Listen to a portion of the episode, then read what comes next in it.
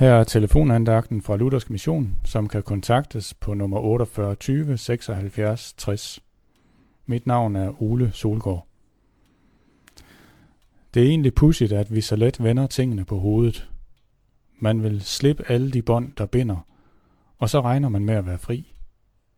Men er det egentlig frihed kun at være forpligtet på sig selv?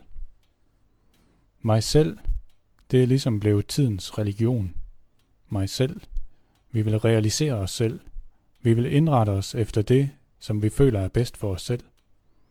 Men spørgsmålet er, hvor er der plads til vores skaber? Og hvad med vores medmennesker? I en af Bibelens bøger, Esajas' bog, kapitel 5, vers 20, der sættes der ord på den her mig selv religion. Ved dem, der kalder det onde godt og det gode ondt, som gør mørke til lys og lys til mørke, gør det bitre sødt og det søde bittert. I virkeligheden er der en stor frihed i at være bundet til Gud og mit medmenneske. For i troen på Jesus står jeg ved min afhængighed af Gud.